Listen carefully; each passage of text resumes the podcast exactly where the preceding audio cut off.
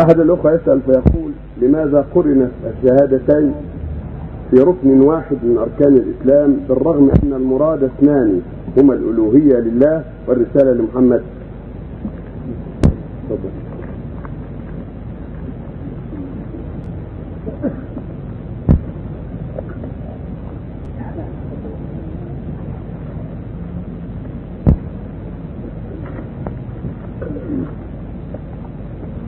لا بد من هذا وهذا لا بد من الشهادتين لكن مقام الشهادة لله الوحدانية أعظم وأهم وأكبر لأن كثير من الناس لا لا يشق عليهم أن يقولوا محمد رسول الله ويقرون بالرسالة لكنهم لا يطبقون معنى لا إله إلا الله.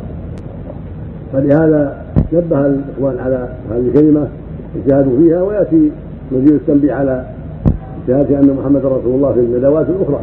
لكن هذه الكلمة مع الرسل كلهم مو محمد وحده مع نوح مع آدم ومع هود ومع صالح ومع إبراهيم ومع لوط ومع من بعدهم من الأنبياء موسى وهارون وعيسى وداود وسليمان وغيرهم من الرسل والأنبياء. هذه كلمة معهم.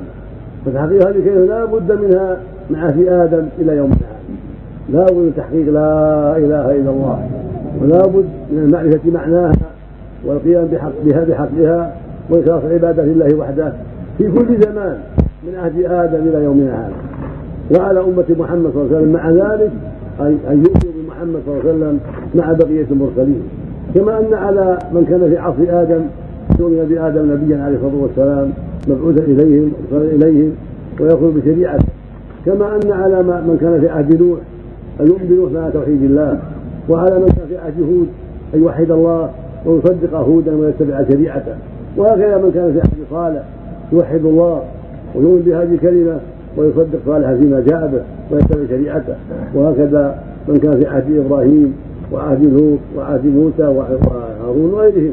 كل أمة عليها أن تؤمن برسولها مع توحيد الله ومع الإخلاص لله وعلى الأمة الأخيرة أمة محمد عليه الصلاة والسلام.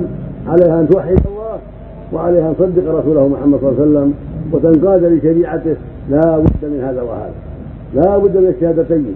لا تكفي إحداهما عن الأخرى. فلو وحد الله وعبده وحده وترك المعاصي ولكنه لا يؤمن بأن محمد رسول الله فهو كافر على الدم والمال عند جميع أهل العلم. ولو صدق الرسول صلى الله عليه وسلم وآمن به وقال إنه رسول الله ولكنه لم يأتي بمعنى لا إله إلا الله. لم يعبد الله بل, مع بل عبد معه سواه. أو سب الله. أو فعل ما يوجب نقض إسلامه. لم تنفعه شهادة أن محمد رسول الله. فلا بد من الشهادتين ولا بد من تحقيقهما والعمل بمقتضاهما ثم العمل بعد ذلك بالصلاة والزكاة وغير ذلك نعم.